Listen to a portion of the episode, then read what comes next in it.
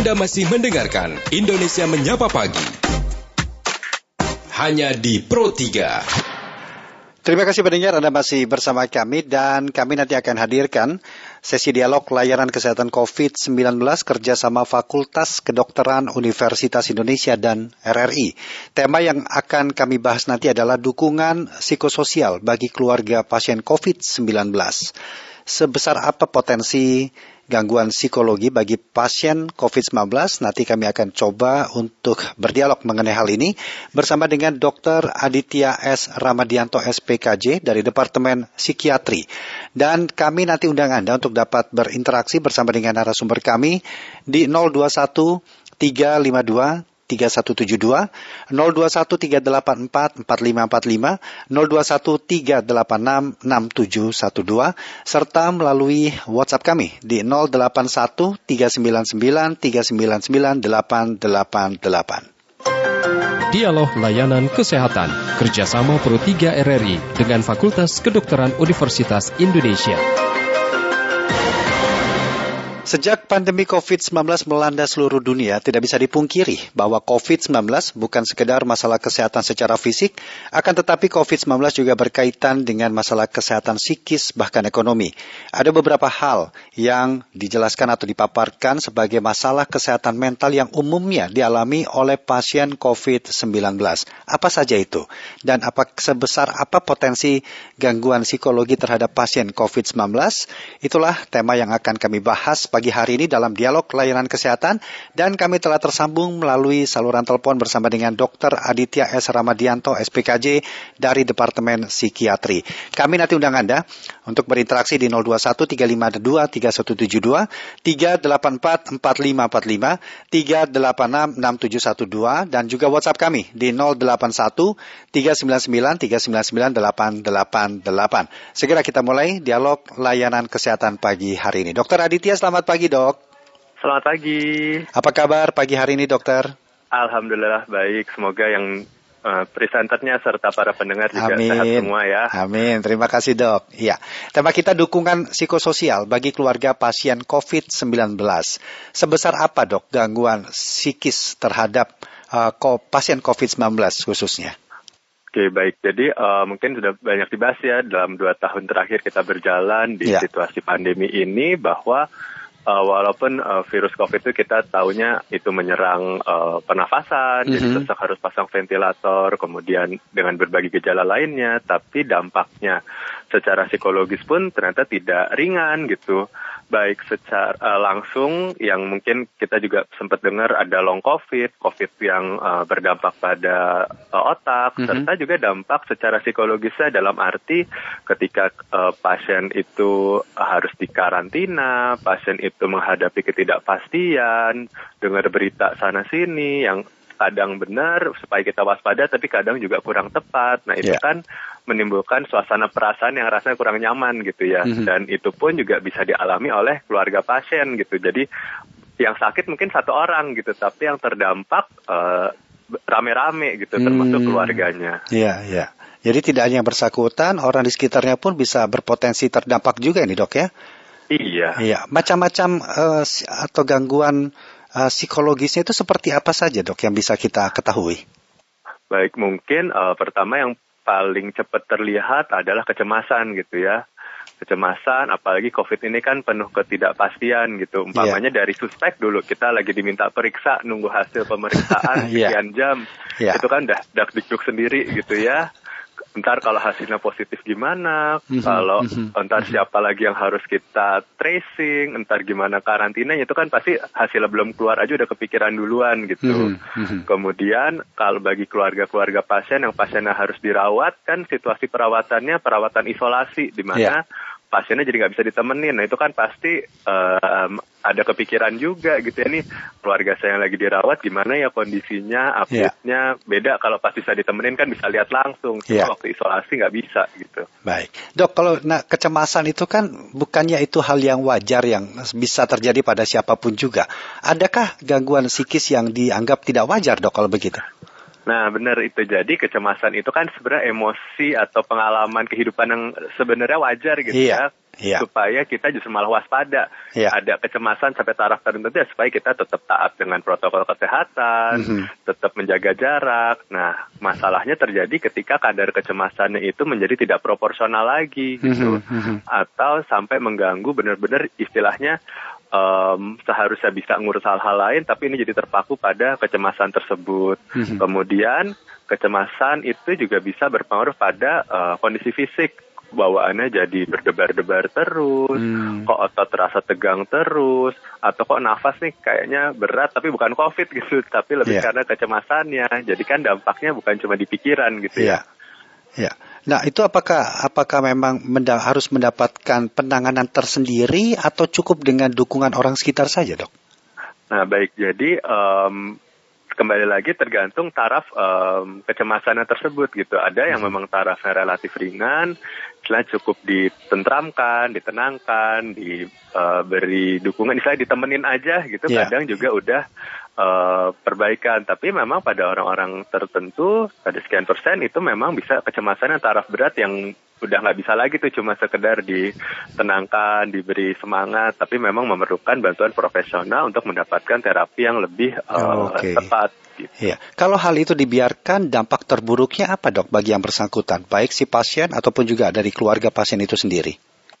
Hmm, nah, jadi kalau uh, masalah-masalah psikologis itu di uh, biarkan terus, khawatirnya akan pertama semakin berat gitu ya dengan uh, berbagai buntutnya gitu. Kalau udah uh, kecemasan yang sangat berat, nanti kan jadi kegiatan sehari-hari pun bisa terganggu gitu. Yang mestinya kita uh, bisa ikut apa namanya bantu ngurus uh, hmm. ya tadi bantu ngurus-ngurus yang lagi sakit dan sebagainya kalau udah terpaku sama kecemasan kan itu jadi uh, terbengkalai gitu yeah. kemudian tadi keluhan fisik juga jadi bisa um, apa namanya uh, bermunculan tuh sakit kepala, sakit perut, uh, ototnya tegang-tegang terus. Jadi emang badan juga rasanya nggak fit gitu. Dan memang kecemasan kalau dibiarkan bertahan lama tanpa di uh, ditangani dengan tepat, yeah. itu di masa depan itu bisa meningkatkan risiko berbagai penyakit lainnya. Oke. Okay.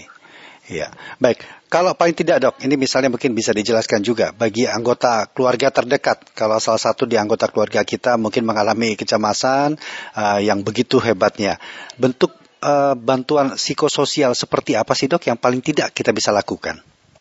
Baik, jadi uh, pertama istilahnya kadang orang yang cemas itu butuh kita sebutnya venting atau curhat gitu. Oke. Okay. Jadi kadang, yeah. jadi bingung nih mungkin kan namanya tadi kadang jadi sendirian dalam tanda ya. kutip yeah. gitu ya orang ini lagi ngurus keluarganya nggak tahu lagi bingung-bingungnya ini saya bisa cerita ke siapa ya. Nah, kadang mm-hmm. kita cukup mm-hmm. jadi pendengar yang baik, biarkan mereka cerita, biarkan mereka venting tanpa kita harus apa istilahnya terima aja gitu mereka emang lagi cemas. Mm-hmm. Jangan terus ah enggak gitu doa, nggak apa-apa kok, nggak apa-apa, nggak usah dipikirin. Justru emang dia lagi pengen lagi perlu mikirin gitu kan keluarganya malah lagi sakit. Jangan yeah, yeah, jangan yeah. disuruh cuekin. Tapi itu itu bahasa yang sering kali kita dengar dok ya. Iya iya.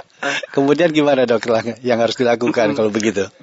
Dan kadang istilahnya dengan kita menjadi tempat venting dia bisa curhat aja tuh mm-hmm. bisa meredakan gitu istilahnya yang tadinya mungkin di kepala dia muter-muter penuh mm-hmm. pikiran tersebut karena bisa dikeluarin jadi lebih lega gitu ya mm-hmm. bisa kembali fokus ke urusan yang memang perlu ditangani gitu. Yeah. Kemudian um, pada kalau uh, kami di RSCM gitu kan di situasinya uh, kadang kita juga membantu pasien-pasien yang eh sorry keluarga pasien yang pasien dirawat isolasi gitu. Yeah. Biasanya mereka memang um, masalah kecemasannya terkait ketidakpastian tadi nggak bisa ngelihat uh, si pasien. Uh, jadi update-nya kan juga nggak bisa setiap saat tektokan banget karena iya. pasti yang di ruang iya. isolasi pun punya tugasnya masing-masing gitu mm. ya dokter dan mm. perawatnya.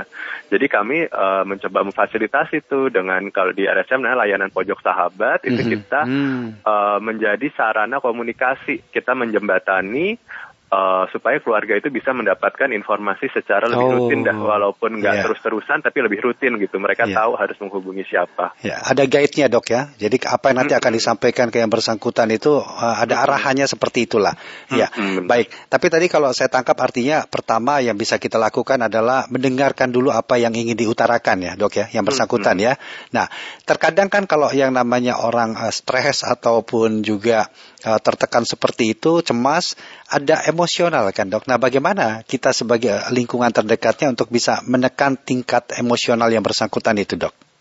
Nah, ya. Jadi memang kadang kalau udah uh, lagi stres, lagi cemas yeah, gitu yeah. kan, kalau kata anak sekarang suka agak-agak senggol bacok gitu ya, atau ngegas, yeah, yeah. sedikit ngegas gitu.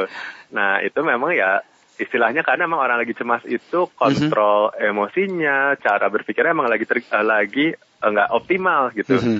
Jadi, uh, nah, hal pertama yang orang sekitar bisa lakukan kita dalam uh, tanda kutip memaklumi dulu gitu. Mm-hmm. Insya Allah kan yeah. sementara aja ya situasinya dan mungkin itu bentuk curhatnya tiap orang ada orang bisa curhat cerita anteng gitu ya tapi memang ada orang yang mungkin nggak terbiasa cerita iya, nggak yeah, terbiasa yeah. menceritakan perasaannya jadi kadang keluarnya jadi kayak ngegas gitu mm-hmm. atau keluarnya kelihatannya emosinya aja tapi kok nggak cerita langkah pertama mungkin kalau kita dalam kondisi emosional yang insya Allah lebih baik saat itu ya kita terima dulu lah jangan terlalu dimasukin ke hati mm-hmm. kita mungkin istilah kita juga sadar diri mungkin kalau kita yang berada dalam posisi dia bisa kayak gitu juga kali ya mm-hmm. itu kan nah kemudian uh, kalau memang rasanya sampai mengganggu atau sampai malah istilah bisa merugikan beliau atau pasiennya atau gimana mungkin kita bisa kita pertama kita ingatkan dulu sih hmm. uh, secara halus gitu ya kelihatannya uh, mungkin kok kelihatannya sekarang lagi agak tegang ya? Uh, rasanya per, ada yang perlu dibantu nggak gitu? Jadi hmm. bukan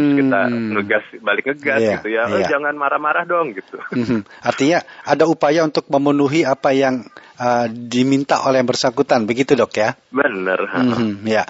Kemudian dok Uh, ini saking saking serunya nih dokter cerita saya sedikit lupa tadi yang ingin saya tanyakan.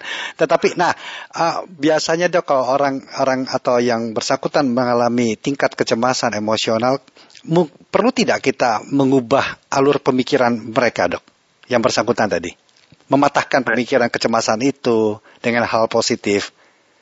Hmm. Nah mungkin uh, benar tuh apa bahwa ketika lagi cemas kan ada tadi pola pikirnya tuh kadang jadi uh, fokusnya ke hal-hal yang negatif aja atau terlalu mikirnya terlalu jauh ke depan yang dan ke depannya pun yang kepikiran yang negatif-negatifnya aja iya, gitu. Iya. Nah cuma yang kita lakukan bukan mengubahnya menjadi dengan pikiran positif gitu ya, tapi kita membantu mereka melihatnya secara lebih realistis, lebih uh, proporsional gitu karena mereka takut keluarganya kenapa-napa yang lagi dirawat ya itu kan sesuatu yang wajar gitu ya tapi umpamanya kalau mereka jadi yakin oh pasti nih ntar hasilnya buruk ntar pasti kita ini eh, nggak bisa ketemu lagi dan sebagainya itu kan nggak pasti sebenarnya gitu ya apalagi mm-hmm. insya Allah dengan sekarang kita udah vaksin udah istilahnya uh, semoga bisa dijaga nih istilahnya yeah. situasi perawatan tetap optimal jangan sampai kasusnya semakin memuncak kan insya Allah hasilnya uh, keluaran perawatannya pun semoga lebih baik gitu kita ber, jadi kita ajak berpikir uh, lebih proporsional oke okay, kemungkinan terburuk itu selalu ada gitu yeah. kan Nah, tapi ada nggak sih kemungkinan kemungkinan kemungkinan lain yang mungkin uh, probabilitas atau kansnya itu lebih besar hmm, sebenarnya hmm, gitu. Baik, kita undang pendengar ya dok ya untuk bisa berinteraksi dalam kesempatan okay. dialog kita di pagi yeah. hari ini. Silakan pendengar, Anda dapat menghubungi kami di 021 352 3172, kemudian 021 384 4545, 021 386 6712, juga dapat melalui WhatsApp kami di 081 399 399 888. Dukungan psikososial bagi keluarga pasien COVID-19. Baik, sambil menunggu pendengar ini dokter, uh, dalam pada tahap seperti apa dok keluarga harus mengambil keputusan bahwa dibutuhkan pihak lain yang lebih tepat, lebih paham dalam menangani hal ini dok? Baik, sebenarnya kalau untuk mencari pertolongan profesional gitu ya, um, profesional kesehatan jadi sebenarnya siap gitu menerima atau menolong uh, rekan-rekan semua baik dalam taraf masih taraf ringan sampai taraf berat sekalipun gitu. Umpamanya pun dibawanya da dalam tanda kutip cepet gitu ya, belum terlalu berat sudah dibawa itu pun kan justru malah uh, lebih nyaman gitu ya, lebih mudah diredakan yeah. gejalanya. Kemudian kalau udah sehat pun kan bisa kita perkuat gitu. Hmm. Kalau hmm. tubuh kita punya sistem imunitas biar ke, apa kuat melawan penyakit, secara psikologis pun kan kita punya uh, tadi kepribadian, pola pikir, cara coping yang juga bisa dilatih untuk nanti ke depannya kalau ada masalah lagi, hmm. kalau ada stres hmm. lagi gimana sih caranya uh, menghadapi secara lebih adaptif gitu. Hmm. Jadi sebenarnya kalau buat kami kapan pun merasa butuh pertolongan nggak usah tahu eh, ntar terlanjur ke dokter ternyata nggak ber, nggak berat-berat banget ya nggak apa-apa gitu kita perkuat gitu iya iya Karena itu akan lebih tepat ya dok ya untuk hmm. bagaimana bisa mengatasi psikologi si pasien ataupun juga orang sekitarnya. Ya, hmm. hmm. sebesar apa dok dukungan psikososial ini dapat membantu mempercepat proses uh, penyembuhannya dok? Baik, jadi um, apa dari beberapa penelitian itu memang uh, dukungan psikososial dalam berbagai bentuknya gitu ya, mm -hmm. baik secara hmm. langsung ataupun secara online kemudian uh, baik oleh tenaga kesehatan, oleh keluarga itu memang bisa memperbaiki atau meningkatkan uh, luaran atau hasil dari perawatan tersebut gitu.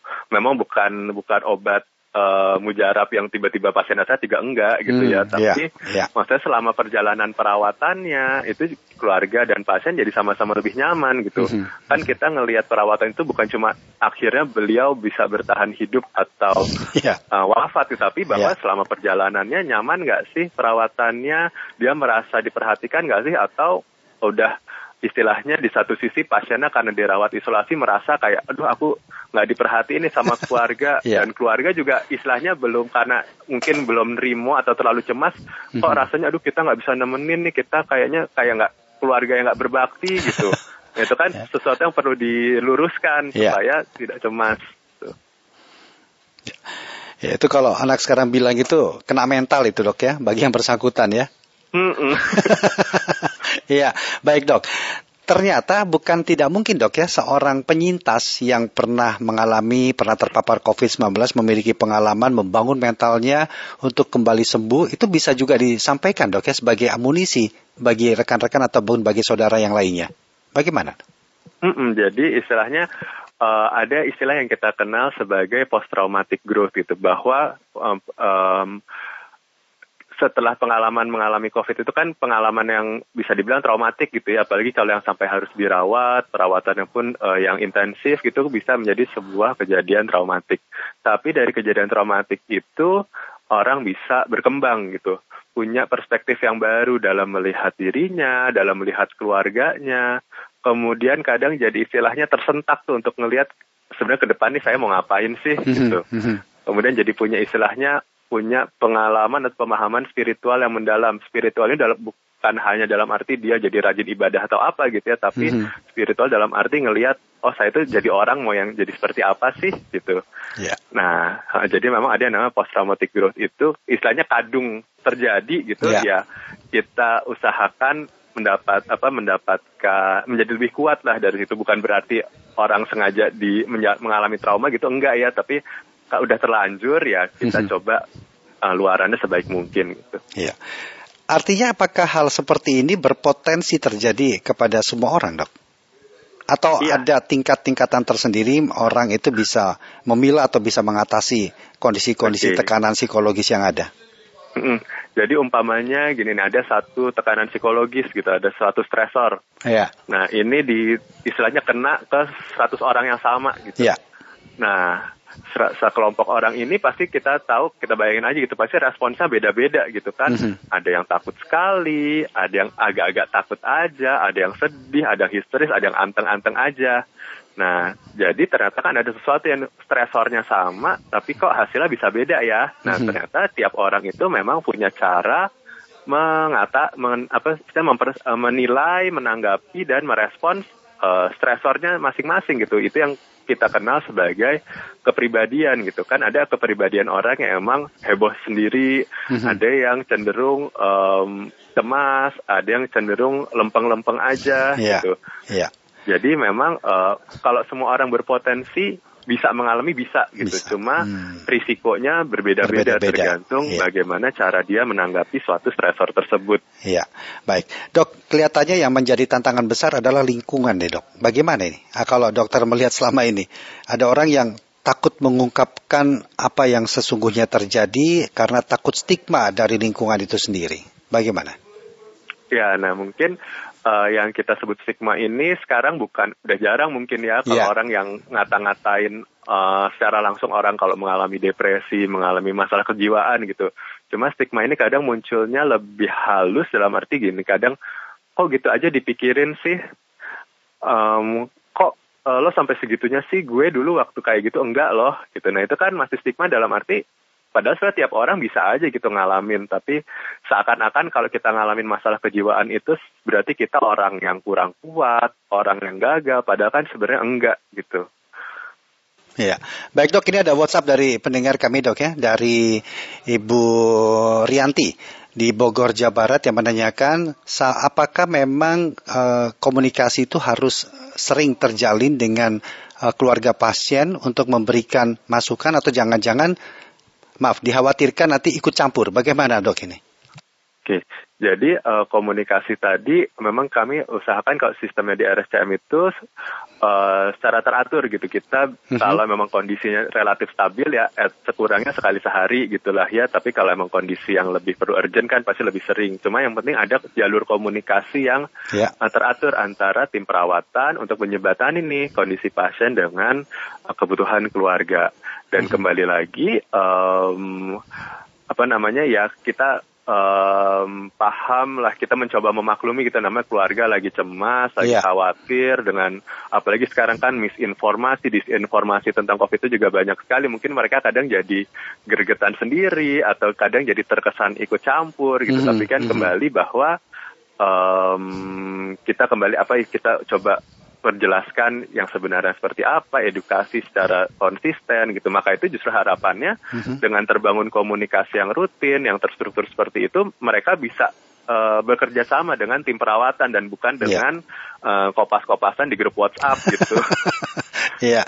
Nah ini prosedurnya bagaimana dok? Kalau ingin uh, keluarga ataupun pihak lain menghubungi RSCM itu seperti apa prosedur yang harus dijalankan? Oh, baik kalau untuk layanan pojok sahabat tadi saat ini ya. memang dikhususkan untuk uh, keluarga pasien-pasien yang dirawat uh, eh, COVID-19 di hmm. uh, RSCM gitu. Ya. Jadi bagi pasien yang dirawat di sana, ntar keluarganya memang di, kita berikan informasi cara mengaksesnya. Nah, harapannya layanan seperti ini bisa diadakan juga nih di tiap-tiap tempat yang merawat um, pasien COVID-19 gitu supaya um, apa namanya tadi duku, apa komunikasi tetap terjaga, uh, keluarga pasien dan pasien pun juga merasa lebih nyaman seperti yeah. itu. Jadi kalau untuk pojok sahabat sendiri saat ini memang khusus untuk RSCM, tapi harapannya tempat uh, lain ada ya. Gitu. Hmm, Soalnya yeah. kan pasti harus dibuat dari di tempat masing-masing gitu kan. Iya, baik. Ada pendengar kita sapa dulu nih dokter ya. Ada Pak Udin di Boyolali. Selamat pagi Pak Udin. Selamat pagi, Assalamualaikum warahmatullahi wabarakatuh. Waalaikumsalam warahmatullahi wabarakatuh. Silakan Pak Udin, apa yang ingin ditanyakan? Ya kan psikologi ya, ada psikologi forensik, ada psikologi kepribadian, ada psikologi kenabian dan lain-lain. Nah itu definisi dasar yang bahasa yang mudah kita pahami gitu. Uh, arti psikologi untuk kehidupan kita sehari-hari itu apa dok?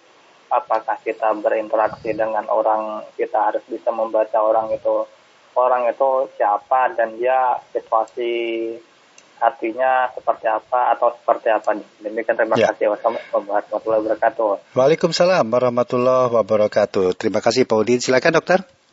Baik, terima kasih. Jadi uh, ilmu psikologi dan psikiatri itu kan memang uh, berhubungan gitu ya. Nah, kemudian intinya adalah ini ilmu yang sebenarnya sangat luas sekali gitu. Cakupannya mengenai pikiran, perasaan, dan perilaku manusia gitu. Bagaimana sih semua itu terbentuk? Nah mungkin yang relevan dengan kita saat ini tadi uh, bagaimana sih kita bisa berinteraksi, mengenali kebutuhan orang yang ingin kita bantu itu kalau tadi kita ngomongin dukungan psikososial benar-benar mencoba memahami apa yang dia alami kita berempati berusaha menempatkan diri dan merasakan apa yang sedang uh, mengerti gitu yang sedang dia rasakan kemudian bagaimana kita bisa memberikan uh, dukungan atau bantuan yang tepat sesuai kebutuhan tersebut. Baik secara tadi secara pikiran gitu kan kita mengajak berpikir secara lebih adaptif, secara lebih realistis, secara lebih proporsional atau memberi dukungan emosi atau kadang memang uh, kita bisa mengarahkan itu memberi saran mengenai perilaku-perilaku. Umpamanya bagi yang pencemas tentang kondisi keluarganya tetapi takut nanya ya kita dukung aja. Udah nggak apa-apa tanya aja ke rumah sakit gimana kondisinya. Atau uh, ya banyak lah gitu yang bisa dilakukan yang tadi ditanyakan yang relevan untuk kehidupan kita sehari-hari saat ini seperti apa. Gitu. Ya. Dokter Aditya terima kasih dok ya sudah meluangkan waktu berbincang dalam dialog layanan kesehatan COVID-19. Semoga apa yang disampaikan pada pagi hari ini bermanfaat buat kita semua dok ya. Terima kasih banyak dokter. Ya, terima kasih juga semuanya. Iya. Semoga tetap sehat selalu. Amin, amin. Doa yang sama juga. Terima kasih dokter sekali lagi. Salam sehat. Selamat pagi dok. Pagi. Demikian tadi Dr. Aditya S. Ramadianto SPKJ dari Departemen Psikiatri. Kami berbincang mengenai dukungan psikososial bagi keluarga pasien COVID-19. Demikian dialog layanan kesehatan kerjasama Pro 3 RRI dengan Fakultas Kedokteran Universitas Indonesia. Acara ini bisa Anda dengarkan setiap Senin sampai dengan Jumat pukul 9.30 waktu Indonesia Barat.